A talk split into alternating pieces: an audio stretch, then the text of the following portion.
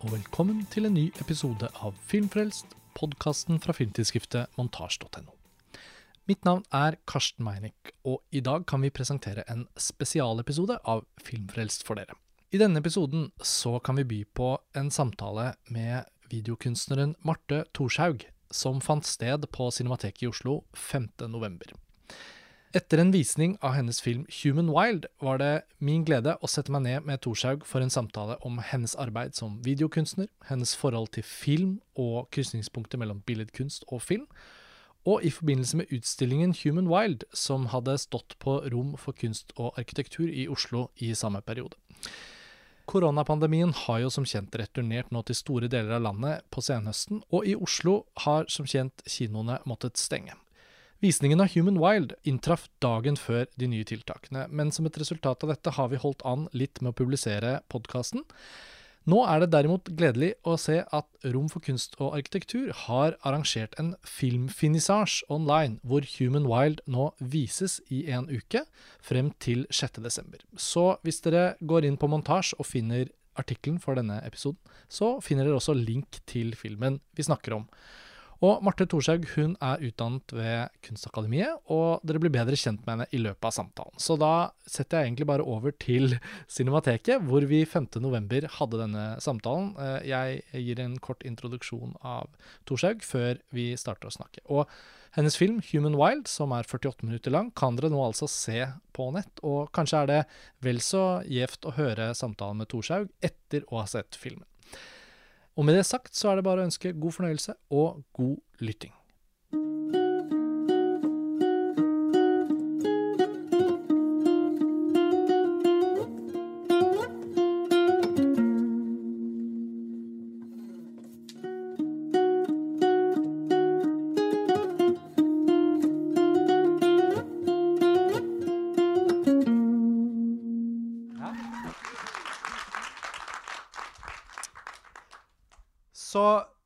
En helt vanlig dag hvor jeg plutselig fikk en e-post fra Marte om uh, filmen din, og, og, om det at du ønsket å ha en samtale etter filmen. Uh, og Vi kjente ikke hverandre fra før av. Jeg har jo nå hatt muligheten til å sette meg godt inn i de filmene du har laget før, og denne. Din bakgrunn er fra Kunstakademiet i Oslo, og du er jo da på en måte en filmkunstner, billedkunstner, som jeg spør egentlig fordi et norsk filmbransje er veldig sånn Vi holder på med film, og så er det de som er kunstnere som lager film, men de liksom eksisterer i litt sånn eh, annet felt. Men egentlig er det jo det samme. Og de, alle de anledningene som kommer til å kunne trekke såkalte norske kunstfilmer da, inn i kinorommene og inn i de samme samtalene, som i hvert fall min verden er litt mer knyttet til, det syns jeg er en veldig god ting. Så du har jo laget en rekke filmer, egentlig. Kan du si litt om din opprinnelse som filmskaper, altså var det noe du begynte med før du begynte på Kunstakademiet? Var det noe du fant ut av underveis mens du gikk på Kunstakademiet? Det begynte jeg mens jeg eh, gikk på Kunstakademiet. Og det kom ut ifra å sette sammen bilder og begynne å lage historier. Eller installasjoner. Og egentlig en ønske om å lage en fiksjon, eller lage en historiefortelling. Mm. At det ikke var nok med ett bilde. Uh, så det begynte jeg å jobbe med der, og jeg var ferdig der i 2003. Og siden da så har jeg lagd egne filmer hvor jeg gjør produksjon, foto, klipp, regi uh, Ja, det, det, meste selv, da. Mm. Uh, og står liksom nå med ett fot i hver uh, leir og, og, kjenner veldig på den to forskjellige måter å, å jobbe fram et prosjekt og også snakke om et prosjekt.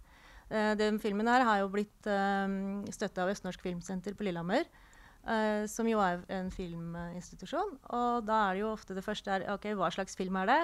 Og hva handler den om? Og hvem er hovedkarakteren? Og da kommer jeg gjerne litt til for kort da, i veldig mange um, uh, samtaler. Men jeg prøver å oversette ikke sant? Og, og, og skriver manus. Selv om jeg ikke jobber med tradisjonelt manus på opptak, så, så har jeg jo en plan og en uh, og en um, dramaturgi um, for opptak og for hele filmen. Men jeg, jo, jeg, sitter ikke og skriver ut manus som tradisjonelt. Nei, Og så tenker jeg jo også at uh, det egentlig premisset for å snakke om akkurat Human Wild da, og, og ditt filmkunstnerskap, hvis vi kan si det på den måten, er i hvert fall for meg en glimrende anledning til å liksom få både publikum og deg og oss alle til å senke skuldrene for liksom våre forutinntatte holdninger til hvordan film blir lagd, hva film er, hva vi forventer av en film når vi sitter i et kinorom f.eks. Det er jo spørsmål du egentlig utfordrer også i filmen din. Eh, jeg syns det er veldig rik, og, det var spennende å enda, se den enda en gang til nå.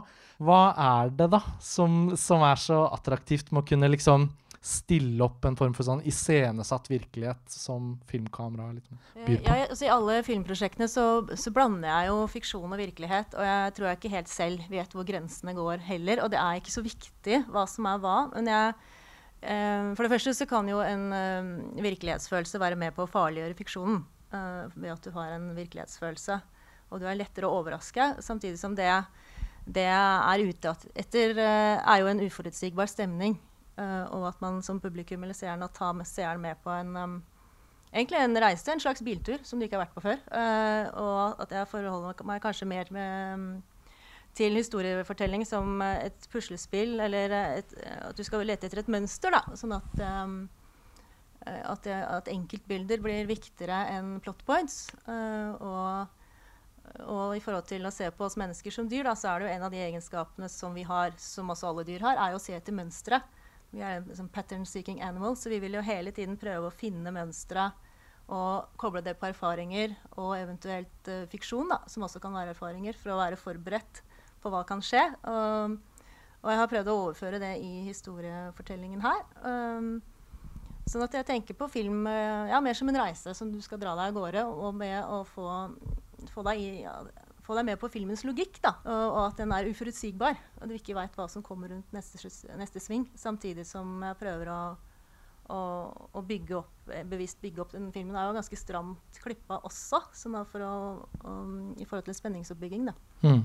Apropos det du sier, så syns jeg at det går veldig mange tydelige mønstre gjennom den delen av filmografien din jeg har fått sett. Da. Jeg har ikke sett Mm. alt du har laget, men, men jeg ser jo flere motiver i denne filmen som du har på en måte påbegynt i andre filmer. Da. Relasjonen mellom mennesker og natur, men også menneskene og dyrene, er jo allerede tegn du har på en måte i denne Er det 'Killer Moose', eh, eller hva er den norske Eh, tittelen? Dødselgen. Dødselgen. Ja, det Dødselgen heter det, ja. eller, ja, elgen, unnskyld. Elgen fra Hedmarken. Jeg er fra Majorstad, da.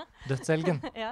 Eh, Eh, Killer Moose. Ja, den også handler om eh, um, for- de som ikke har sett den, så er det er en eldre film som, uh, hvor jeg fikk tak i en del naturopptak uh, langs en vei hvor det var veldig mye elgpåkjørsler uh, hvor jeg bor. eh, og hvor, man, hvor naturfotografer sitter og egentlig og prøver å, å fange en bilpåkjørsel med elg. Så du Mm. ser elg i veldig stressa situasjoner, og Mm. hvordan den reagerer på når den skal krysse eh, en vei. da. Og Mm. det ender jo med et krasj.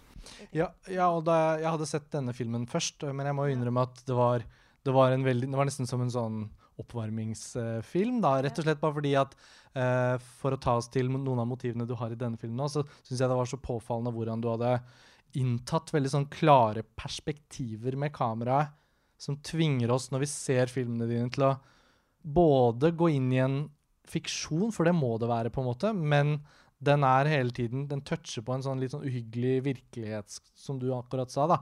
En sånn forankring i en virkelighet som gjør at vi tvinges til å akseptere noe sånn sannhet som vi av og til er beskyttet mot i fiksjon. Når vi er på trygg avstand i fiksjon, så er det jo sånn Åh, ja ja, verden går under, men når jeg kommer ut av kinosalen, så er det fortsatt bare vanlig pandemi. Um, Ja. men, men, i, men i Dødselgen så, så får man en sånn uhyggelig følelse ganske raskt, fordi bildene de har den estetikken som kanskje for sånn, og Det er jo her også med sånn kameraer som, som virker så nært på en virkelighet, eller kommer liksom førstepersons gående bortover i snøen mot det kommer noen blodspor. Altså, Det er jo en veldig sånn bevissthet du viser også til filmspråk. da.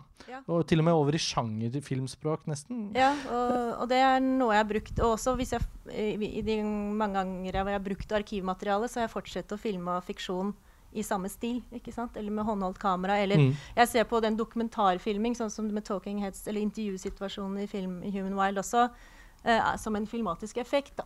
Mm. For å, nettopp for å få det til å føles mer virkelig. Ja, og så er det jo litt sånn i filmteorien at når man koker det ned til det, så er jo egentlig alt uh, fiksjon. Eller Ja, sånn ja, at uh, såkalt dokumentarfilm er jo også en, Ja. en innramming av virkeligheten som noen har tatt et valg Mm. og sagt at det er bare akkurat slik eller slik. Og, og sånn som i Human Wild så føler jeg at det er en veldig sånn bevisst uh, For å ta oss litt over på, på romfølelse her òg, da. Altså at jeg opplever det som veldig fascinerende hvordan du har liksom definert naturen og skogen i sånne, sånne kulturlandskapaktige rom. Altså, jeg føler ikke at det er liksom den ville urskogen. Det er på en måte form for sånn scene. Og når vi kommer til dette teatret helt på slutten av filmen, hvor det monteres et sceneteppe, så føler jeg også at du gir oss en, en knagg til å liksom anse noen av disse tunene eller inngjerdede områdene hvor dyrene er. Det er jo der natur og menneske også møtes, da, i disse landskapene som har blitt formet av menneskene hundrevis, kanskje tusenvis av år. Um, og ja, du bor jo selv på et småbruk, stemmer det? Ja. Det er Så- mye kortreist-film eh, Ja, her. veldig sånn veldig grønn film, dette. Uh, ikke mye CO2-kvoter her. Eh, men kan du si litt om um, din relasjon til stedet du, du filmer dette på? Altså disse rommene, disse og, og, hvorfor du har valgt å gjøre det akkurat sånn? Ja, altså, um, det handler jo også veldig mye om hvordan jeg setter opp kamera, som er veldig observerende i den filmen 'Human Wild'. Og jeg, jeg ønska at man skulle se på menneskene i filmen på samme måte som vi observerer dyr. da. Og at vi skulle ha, en distanse til dem. I begynnelsen så er det kanskje en litt ironisk distanse til meg, at vi ler litt mer av dem enn med dem. Uh, samtidig som vi skal, at vi le leser liksom, hva som skjer i gruppa, kroppsspråk. Jeg er mye mer opptatt av eh, gruppedynamikken og hva, miljøet rundt da, eh, enn en hver enkelt eller, eller ha en enkelt eh, hovedperson som man skal følge, f.eks. Uh, og også på slutten, når de sitter i skogen og forteller en sånn rasistisk vits rundt bålet, så det, var det bevisst for at man skulle skape avstand til dem. Uh, for at vi skulle kunne se, sitte og se og ikke leve oss for mye inn i dem sin frykt. da. Så, så den Ja, i det hele tatt bruker mye rom og ha, og ha kamera på avstand som bare observerer og, og panorerer. Sånn som man gjør når du filmer dyr. Ja, men altså, kameraet er jo ikke helt likt hele veien heller. Eh, så det er jo på en måte den variasjonen er vel så interessant som For jeg opplever jo at du inntar perspektiver selv om du har en slags sånn form for observerende Bare åpningsbildet. Eh, ikke, vi kan komme tilbake til stjernehimmelen, men, men jeg tenker det første bildet som er veldig sånn Guds øye, da, ikke sant, ned. Eh, og så senere tar du jo den teknologiske dette apparatet, dronen, kommer jo rett inn og skaper også en veldig sånn uh, uhyggelig uh, fordi, fordi plutselig kommer det sånn mekanisk og teknologisk inn i denne naturen. Så jeg bare føler at du hele tiden inviterer oss til å liksom stille spørsmål ved kameraet også, stille spørsmål ved perspektivene. Men, men, men hva er det du er ute etter? Jeg vet ikke om jeg har løst den gåten for min egen del som tilskuer til denne filmen. Altså at det å se på menneskene sånn som vi ser på dyrene, men hvem er det vi Altså, det er vel noen utenfor der igjen nå, er det ikke det? Jeg føler litt på det. Jo, altså jeg, i forhold til å skape den uforutsigbare stemningen, da. Så ja, kamera ned, liksom, lage lave perspektiver. Um, skrekkfilmperspektiver. Ja, ja Leirbålsekvensen blir jo en helt egen nesten, Jeg kaller det bare leirbålsekvensen. Ja, der hvor du, du har disse inverterte bildene med denne ulven som sirkler dem inn. Jeg opplever det jo som en film i filmen, nesten, hvor du, hvor du på en måte og, og leirbålet er vel også, som du sier til slutt der, eh, et av de stedene vi ofte snakker om som en sånn opprinnelse til fortellerkunst og, og fiksjonen. Eller altså, kanskje ikke. Nei, kanskje ikke, men- bare dårlige vitser. Det ja, kan ja, men, men, men jeg tenker hvis vi Ja. spoler Ja. tusenvis av Ja, år nok tilbake, da, da man ikke hadde noe annet, hulemalerier kanskje, Ja, ja, det er jo et bånd der hvor vi går tilstrekkelig langt nok tilbake i tid, så, så går vi jo ned til sånn ur.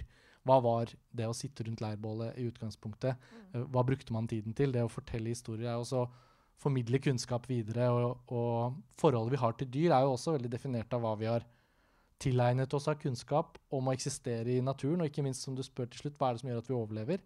Er det det som hjelper oss til å overleve? Um, og da når denne leirbålsekvensen i filmen blir en sånn virkelig sånn Kanskje den mest sånn filmaktige scenen i filmen, hvis vi skal kalle det det, da Det det på grunn av grøsser og sånn. Ja. Eh, kan du bare si litt om hvordan en sånn idé oppstår hos deg? Er det noe som ved skrivebordet? Er det i klippingen at du tester ut ting som ikke var planlagt, som kanskje gir en ekstra effekt? Hvor, kan du si litt om hvordan du jobbet med den Ja, sekvensen? prosessen den kan jeg få si litt om. Uh, det her har jo vært et studium hvor jeg, utgangspunktet var at jeg ville se på hva er det som alle egenskapene og, eller instinkter og atferder som vi har sammen med de andre dyrene som vi har rundt oss. Som jo er de vi har klart å temme, som jo også er ganske like oss selv, da, som er flokkdyr. Uh, og så, kommer jo uh, så kommer jo kjapt spørsmålet opp ok, men hva er, hva er forskjellen. da? Uh, for det er jo veldig mange likheter, sånn som jeg ser det. og så har jeg plukket ut noen av de nøkkellikhetene og brukt, de, brukt, tematikken og prøve å lage en spenningsoppbygging med de. da, Sånn at det slutter jo med flight or fight, som jo er når du blir skremt på livet. så har du to muligheter. og, og, at, og at dramaturgien skal følge den instinktkurven fra flokkinstinktet til uh, å speile hverandre, uh, til um, frykt, og så da kulminere. Sånn at, sånn at handlingen skal følge tematikken. Hvor, når, når, jeg graver dypere, da, mm. er det en tanke som jeg har hatt. Ja, det opplever jeg at du mm. virkelig får til, fordi sekvensen har jo også en klassisk sånn, syns jeg, effektiv spenningsoppbygging, fordi det ikke bare er en ulv som nærmer seg, på en måte, men det er også denne forbannede tenningen av dette bålet som ja. de bare aldri lykkes med. Og det er noe så herlig over sånn nesten litt sånn Hitchcock-aktig tålmodighet du har med Altså du stoler på at du har de verktøyene for å skape spenning, og så bare holder du og tøyer strikken. Uh, jeg syns det er veldig sånn tilfredsstillende sånn rent sånn kinounderholdningsmessig, akkurat den sekvensen. Og fordi filmen din ved å være oppunder 50 minutter, som er jo en kort kinofilm sånn sett, mm. når vi ser den her, og, og det, det, slår meg jo at den er veldig sånn stram og effektiv hvis man tenker på den rent strukturelt. da. Mm. At um, at du dveler jo heller ikke ved motivene, selv om du har gjort deg fortjent til å dvele ved dem. Fordi de blir introdusert og bygget opp. Og, og særlig det kapitlet som heter Frykt, da, mm. som jeg også syns er veldig spennende. For der bruker du jo ikke så tydelige sjangergrep sånn i leirbålsekvensen.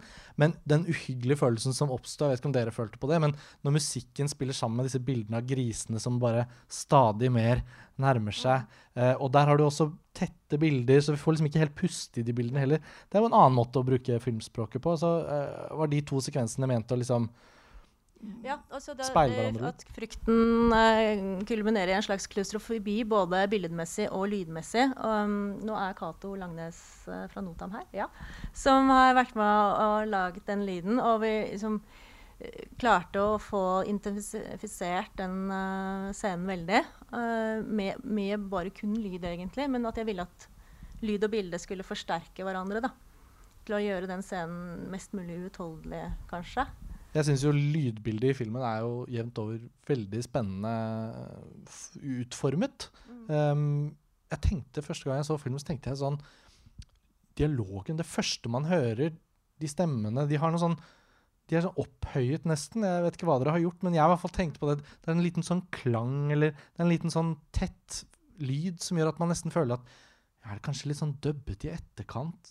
Fordi det var noe feil med lyden. Er det det? Nei, det kan ikke være det bare det. Det er jo også veldig et kunstnerisk valg du tar, som gjør at når vi først til slutt kommer inn på hun uh, psykodramalæreren og får et sånn tett nærbilde på henne, så tenker jeg sånn OK, nå er vi liksom tett inne på. Men, men alt frem til da har en sånn veldig sånn svevende, og det gjentas flere steder i filmen, mm. i lyddesignet. Så alt i alt så blir jo jeg også sånn som sånn filmarbeider, da, hvor jeg vet hvor mye tid det tar å få Altså Det virker som du har hatt mye tid på en eller annen måte til å virkelig jobbe frem den typen ting? Det, mm. Eller lå alt i manuset, eller var alt nei, i planen? Nei, alt lå ikke i manus. Eh, det gjorde det ikke. Jeg, jeg jobber jo, ettersom jeg også filmer og har, gjør regi selv, så blir jeg jo en litt fraværende regi, regissør, på en måte, som er opptatt av med lysbalanse og alt det andre. Sånn at um, for eksempel den i begynnelsen da de um, driver og stemmer ut hverandre i forhold til å være med på en øde øy, de skuespillerne. Mm. Uh, nå er jo de skuespillerne veldig flinke, og de kjenner hverandre godt. De har jobba sammen på mange produksjoner på Hamar teater. Og jeg ønska nettopp å jobbe med dem nettopp fordi at de er så gode på å trygge på hverandre og gode på å improvisere. Men alle de, um, all den dialogen var improvisasjon one takes. Uh, det, men da hadde vi jo jobba uh, en hel dag med hvilke dyr de skulle være, og så hadde de fått i oppgave at de skulle stemme hverandre ut uh, basert på det dyret de var. Ikke på hvem de var, men å tenke på det dyret. Vil du ha med deg en gris på en ja. øy, eller vil du ha med deg Det er morsomt. Uh, ja, det er morsomt. Og morsomt at ikke vi vet det når vi ser filmen. Så, ja, sånn, ja, ja, femteplass.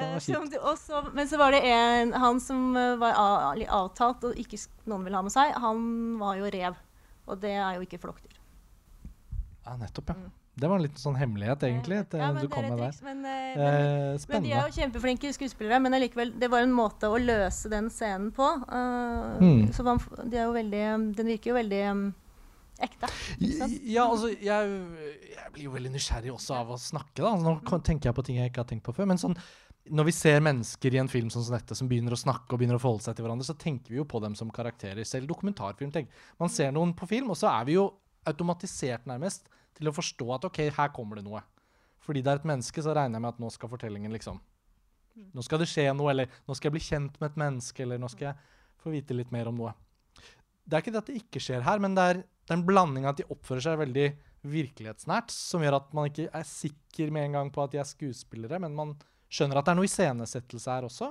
Og bildene er liksom så velkomponerte at det er jo ikke sånn at du bare har kastet deg rundt og filmet noe. Det er veldig sånne komposisjoner, mange av de bildene. Nå mener jeg i starten særlig, da. Men så når det kommer til denne utstemmingen, så opplever man nesten at Men de kjenner jo hverandre veldig godt, godt nok til å rangere hverandre. Men vi har jo ikke blitt kjent med dem, og det er vi jo vant med fra vanlig dramatisk film, at en av reglene er jo å presentere og gjøre oss kjent med. Så kan du si litt om hvordan du liksom da, når du klipper eksempel, da, si at du har 10-12 improviserte sånne bilder som du ikke bruker. Hvordan er det du gjør den avveiningen? Er du, er du ute etter å skape litt av denne klassiske dramaturgien også, eller, eller kjenner du at det er det du har lyst til å utfordre? Ja, begge deler. ja. Ja takk, begge ja deler. takk, begge deler. Ja, nei, det er jo å hele tiden eh, Altså, den har vært litt vanskelig å lage. Jeg har, bruker, har brukt mye tid på å redigere denne filmen. Um, fordi at man skulle ha en spenningsoppbygging, uh, forfølge et tema og ikke ha noen klar hovedperson. Uh, og i sånn tillegg skulle man ha en litt distanse til de menneskene som var der. Så det var ganske mange Det var på en måte ikke noe å eh, forfølge, da, annet enn en, en selve rytmen i filmen, kanskje. Eller puslespillet, da. Um, sånn at uh, det går på tids Hvor mange talking heads eller sånn utstemninger klarer man før det, før det blir kjedelig? ikke sant? Og så er det jo en dramaturgisk oppbygning i de også. At man er positiv først, og så og blir det man mer, av, så skal de stemmes ut. ikke sant? Og så får man vondere, noen vondere scener, da. Men det er jo ikke helt et øyråd heller, på en måte. Nei, det er jo ikke det. Så, så vi får jo ikke liksom oppbyggingen til at det kommer. Det er jo Nei. litt sånn Nå skal dere rangere hverandre også. Ja. Og i det du har brukt i filmen, da, Mm. for man kan jo, vi kan jo ikke se, se det andre, eh, så opplever jeg jo at materialet har en veldig sånn Det er noe sånn litt sånn dirigentaktig over klippingen din, som jeg setter jo veldig pris på selv. da, Jeg jobber som klipper og vet hvor mye tid det tar før man kjenner at alle de puslespillbrikkene, for å bruke det, det bildet, eh, plutselig spiller i et stort orkester og er med på å liksom sette helheten. Og når man kommer til de bildene, så er det jo påfallende for meg hvor, hvor fin rytme de også har inne i seg selv. For du klipper jo ikke da inn av de bildene mellom to hoder som snakker Nei, med hverandre. ikke sant? det- Så da er du jo avhengig av å finne de bildene som liksom har den der at skuespilleren tar akkurat den pausen mm, som passer å bruke. mm. Og så er jo komponisten også med deg på et av stedene og Ja. den ned, og så stopper man, og så venter vi på en slags punchline, og så, Mm. og så kommer den, og så er du liksom på vei videre med en gang. Det er veldig mye fint der. ja, for jeg, men jeg tenker på at hele den dialogen er som et spill, akkurat som eh, et rangspill. da. Akkurat som når du ser den første sekvensen med hundene, eh, som diskuterer uh, hvem som skal spise beinet først. Hvor, du ser en rangspille i en hundeflokk. da. Hvem som må vente, og, og hvem som eh, kan spise først, osv. Og, så videre. og så um, Tanken med, med videre med den eh, hvor de stemmer ut hverandre, var jo å få frem rangspillet i den gruppa. Mm. Men menneskene, vi slåss jo ikke om kjøttbein, men vi bruker jo språket. Ikke sant? Eh, jeg føler at det er et hjerte der inne et sted. Altså, det er jo ganske hardt. Mhm. Ja, den var drepende, den eh, replikken drepende. Altså, vi bruker jo vi bruker ordene, men det, Ja. men det er jo det samme som Ja. hundene gjør. Altså, det er en måte å Det er mye kjipt med deg, men det er nok et hjerte der et eller annet sted, så det skal du ha. Altså det, den er fin, den. jobbig. Ja, mye jobbe. Det er lett å snakke seg ned i sånne eh, korridorer av form, spørsmål om form, og hvordan gjorde du det, og hvordan jobbet du det. Men hvis vi spoler litt tilbake igjen, da, så er jo dette en film som jeg også opplever at har en sånn ehm, Den har i hvert fall på meg da, hatt en veldig sånn tilfredsstillende intellektuell ettersmak. Eh, at eh, Gått litt rundt, eh, sett om jeg har noen trær i min umiddelbare nærhet, og tenkt litt på naturen. da.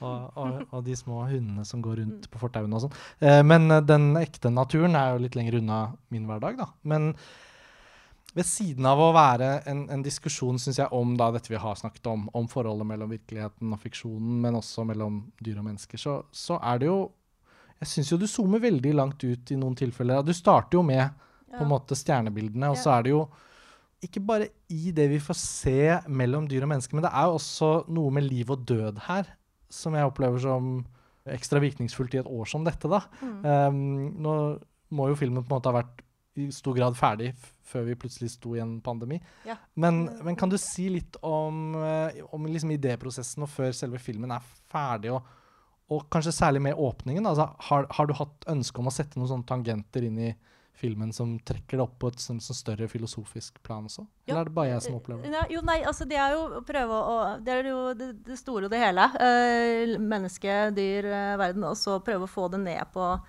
hvordan tilnærme seg en hest. Ikke sant? Eller så Ja. prøve, den, få det ned på eh, små, helt hverdagslige scener, da. Men, eh, men i forhold til eh, dyr som metafor, så er jo det en sånn urmetafor. Eh, og jeg syns jo det er veldig morsomt å jobbe med sånne urmetaforer som på en måte er nesten oppbrukt.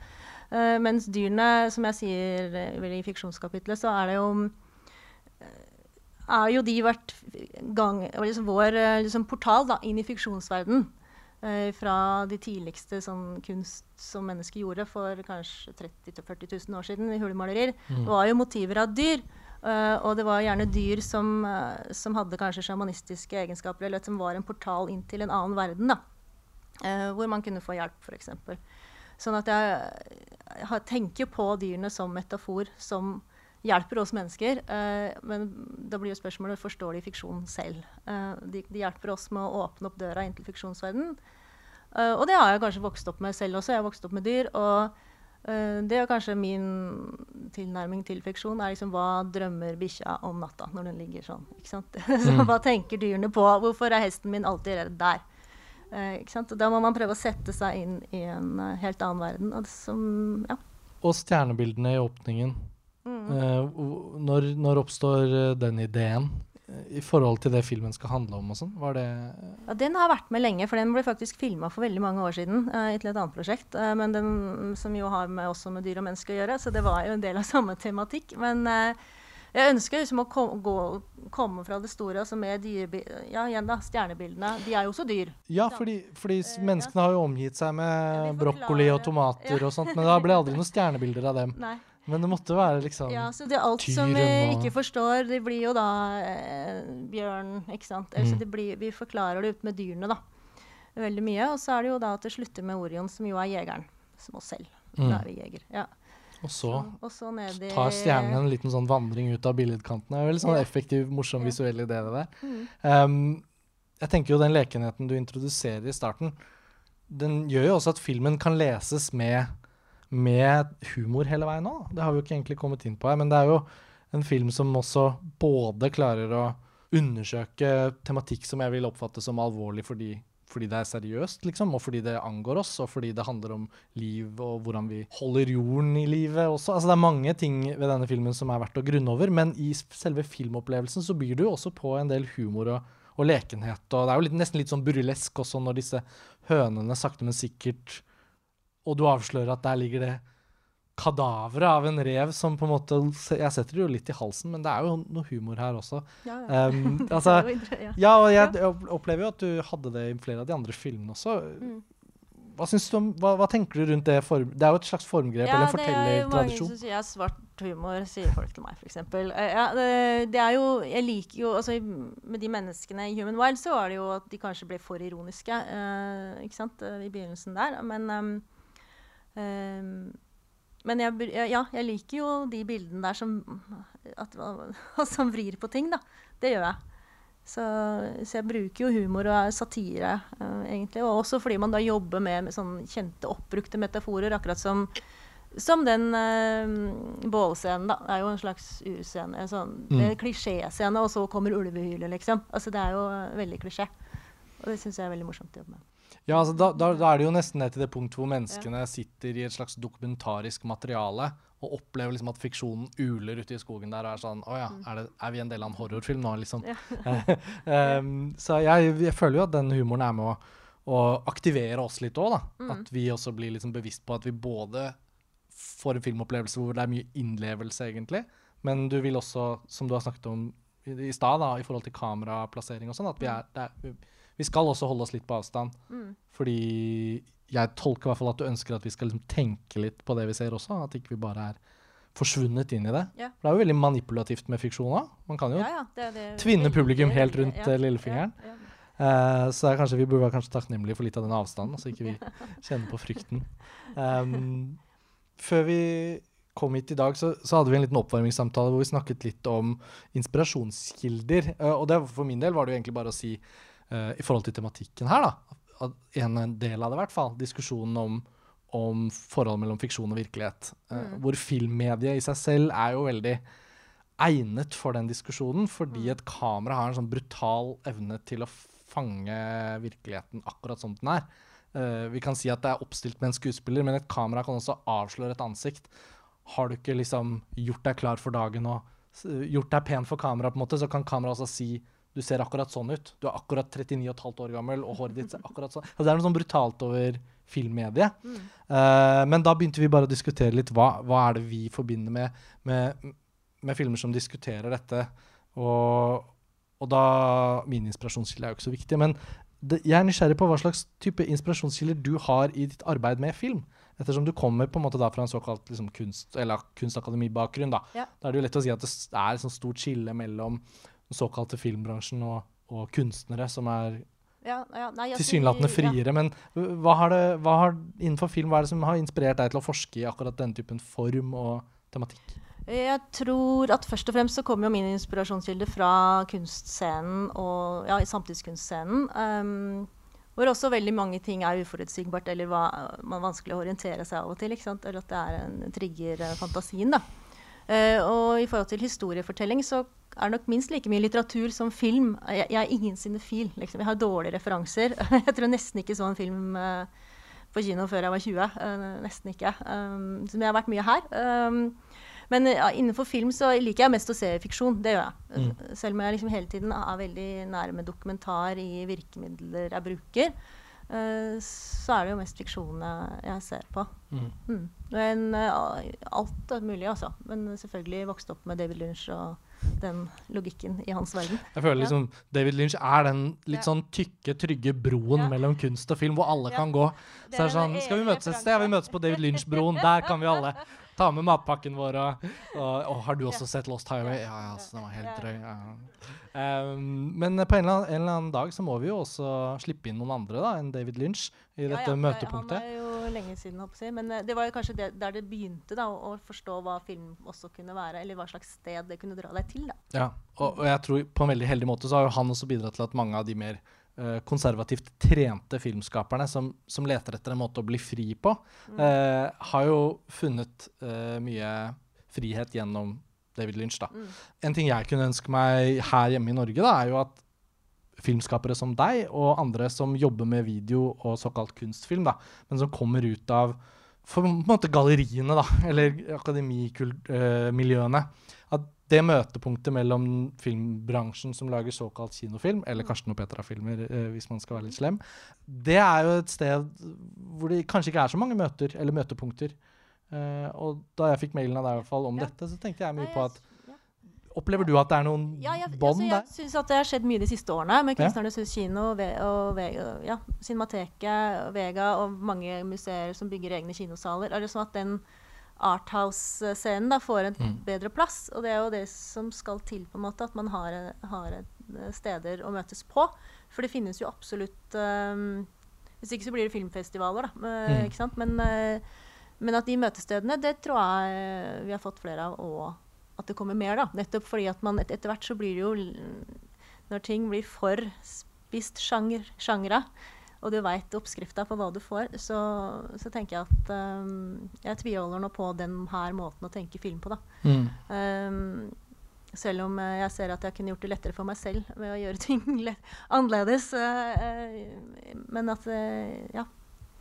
Det er den metoden jeg har uh, trives med. og, og, og, og noe som kanskje en del kunstfilmer ikke nødvendigvis har, er jo en tanke om en sånn langsiktig distribusjon bortenfor en utstilling, eller bortenfor å være, være vist i visse sammenhenger. Da. Eh, og tidligere i år, så, eller rett før pandemien, så hadde jo Dag Johan Haugerud premiere på en film som er 50 minutter lang, eller 55, eller hva det er. 'Lyset fra sjokoladefabrikken', som i utgangspunktet egentlig sprang ut av et forskningsprosjekt, og litt sånn mot sin vilje ble en kinofilm.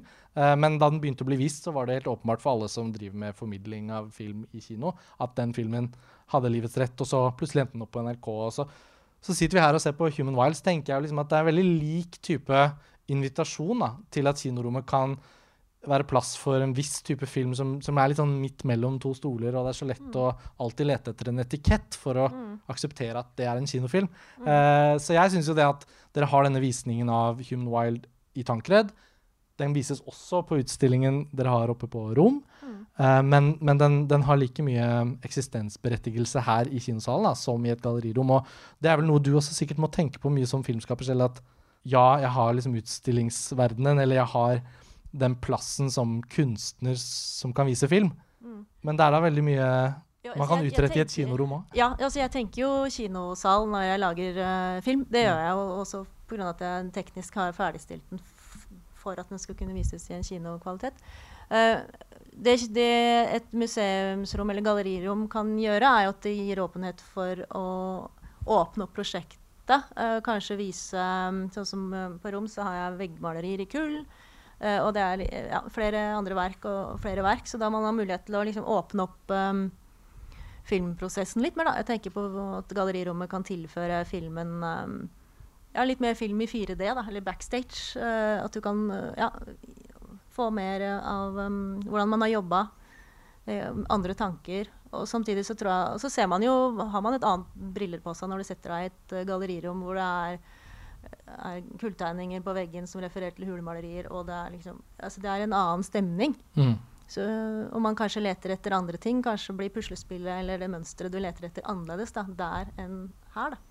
Jeg husker jeg alltid tenkte etter å ha vært La oss si jeg var sånn gryende filminteressert, men også litt sånn gikk på mine første store museer rundt omkring hvis jeg var på en helgetur et eller annet sted i Europa. Eller. Jeg forbandt ofte det å se film på galleri med å aldri se starten av en film. Ja. Du kommer så, hvor, ja, det, Jeg får bare sette meg ned. Ja, ja, hvor, hvor, er vi? Hvor skal vi? Ja, skal vi gå videre? Ja, men den er ikke ferdig. Ja, OK. Altså sånn, Litt sånn som det var med TV i gamle dager. At du bare skrudde på TV og så Ja, filmen er midtveis. Men jeg har sett den før, men ikke den biten av den. Altså. Eh, det jo, gir jo en eller annen merkelig effekt, det òg. Jo, det er en merkelig effekt. Eh, det gjør det. jeg prøver å ha visning hver time nå, da. Eller at man har eh, Ikke sant. Men mm. det er alltid utfordrende å vise film i gallerirom. Det er det jo. Hvordan så du Human Wild? Jeg kom inn midt i, så den ferdig, og så så jeg åpningen. og så ja, ja. Starta med slutten, og så Ja, ikke sant. Da får du ikke den Så det er jo frustrerende da, ikke sant, å jobbe med historieoppbygging, og så komme mm. inn, og så har du sett uh, at de står på teaterscenen, og at de er skuespillere. Ikke sant. For den ønska jeg jo å Spare. Spare og på en måte komme til slutt og gi den introduksjonen. Jeg ga introduksjonen på den siste til epilogen heller. Men, uh, ja. ja. Vi ble egentlig enige om at vi også skulle åpne opp for spørsmål fra salen. Og det glemte jeg å si i introduksjonen min, så nå er det jo ingen som egentlig har sittet og tenkt på det. Alltid sånn sansen for at det blir sagt i starten, og så kan det uh, ulme litt uh, ute i kinorommet. Og så mm. plutselig så kommer den pekefingeren herfra, og så er det noen som har lyst til å spørre Marte om noe? Ja. Ja, ja, Spørsmålet var jeg skal bare gjenta det så det kommer inn ja. på lydopptaket. Spørsmålet var hvordan du har jobbet med musikken. Eh, det lurer jo egentlig jeg også på. Bare glemt å spørre. Ja, det hadde jeg også tenkt å komme inn på. For Dan Ola Persson, som har lagd musikken, er her i dag. Og ja Det er veldig fin musikk. Vi begynte å samarbeide før, helt på et tidlig tidspunkt. Og han, Dan, Danne har lagd musikk på en tidligere film, 'Legenden om Ygg', også. Så vi har samarbeida før, og veldig interessert i samme tematikk. Og vi snakka veldig om hva slags lyd skal man ha uh, til mennesker, liksom, som er både organisk samtidig som den er ren. Um, og så hadde vi den gamle gitaren, da, som, som ble veldig sånn uh, Du hører det knekker i fingra til Danne når han spiller, liksom. Den, og den er helt sånn uh, tørr og minimalistisk. Uh, så den, og de, uh, så mye av musikken var jo egentlig Hadde vi litt før bildene. Så jeg jobber med musikk helt fra liksom, før manus.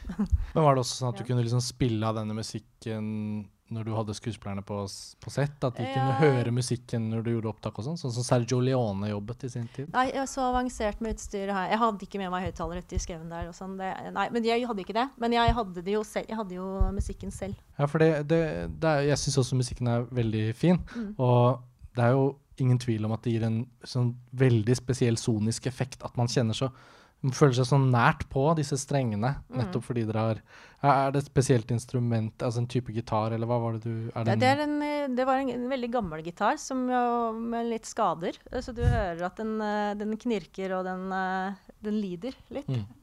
Uh, ja, så det er veldig, en veldig organisk lyd, da. Noen vil jo si at instrumenter også er objekter som egentlig har en, mer av en sjel enn vi Ja, gir dem ja. credit for. Ja, det er absolutt. Eh, det her var en selv, så. Så det, det høres ut ja. som det passer veldig godt inn.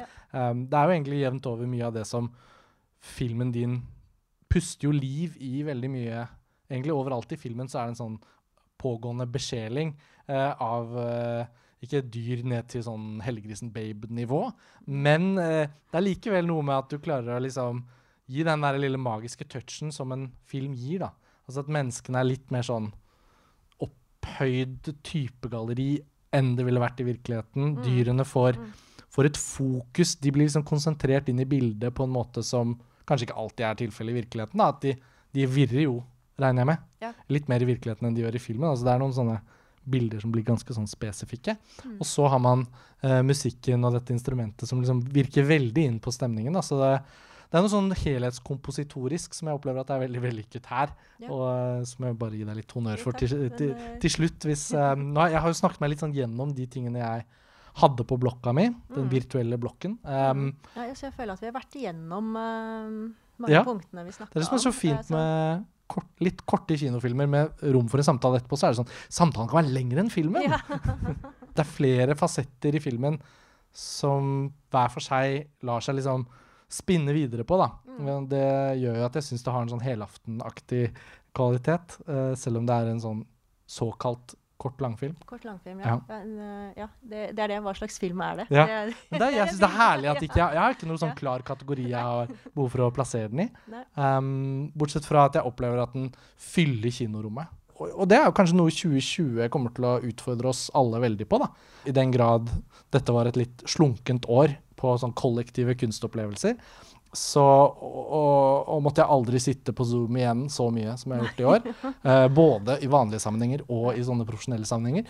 Men når kinoene kan puste som vanlig igjen, så vil vi jo tilbake til dem. Men jeg tror kanskje vi kommer til å tenke litt mer på hva er det egentlig kinoer byr på. Mm. Hva er det man får på kino som man ikke får hjemme? Og, og jeg har ikke behov for å kategorisere det, men jeg opplever i hvert fall at filmen din fyller rommet på en helt spesifikk og kinovennlig måte. da. Mm. Uh, jeg syns det er kanskje et fint sted å gå ut på. Uh, Marte Thorshaug, tusen takk for uh, filmen, og takk for at du inviterte meg til å komme og få, få sitte og snakke med deg.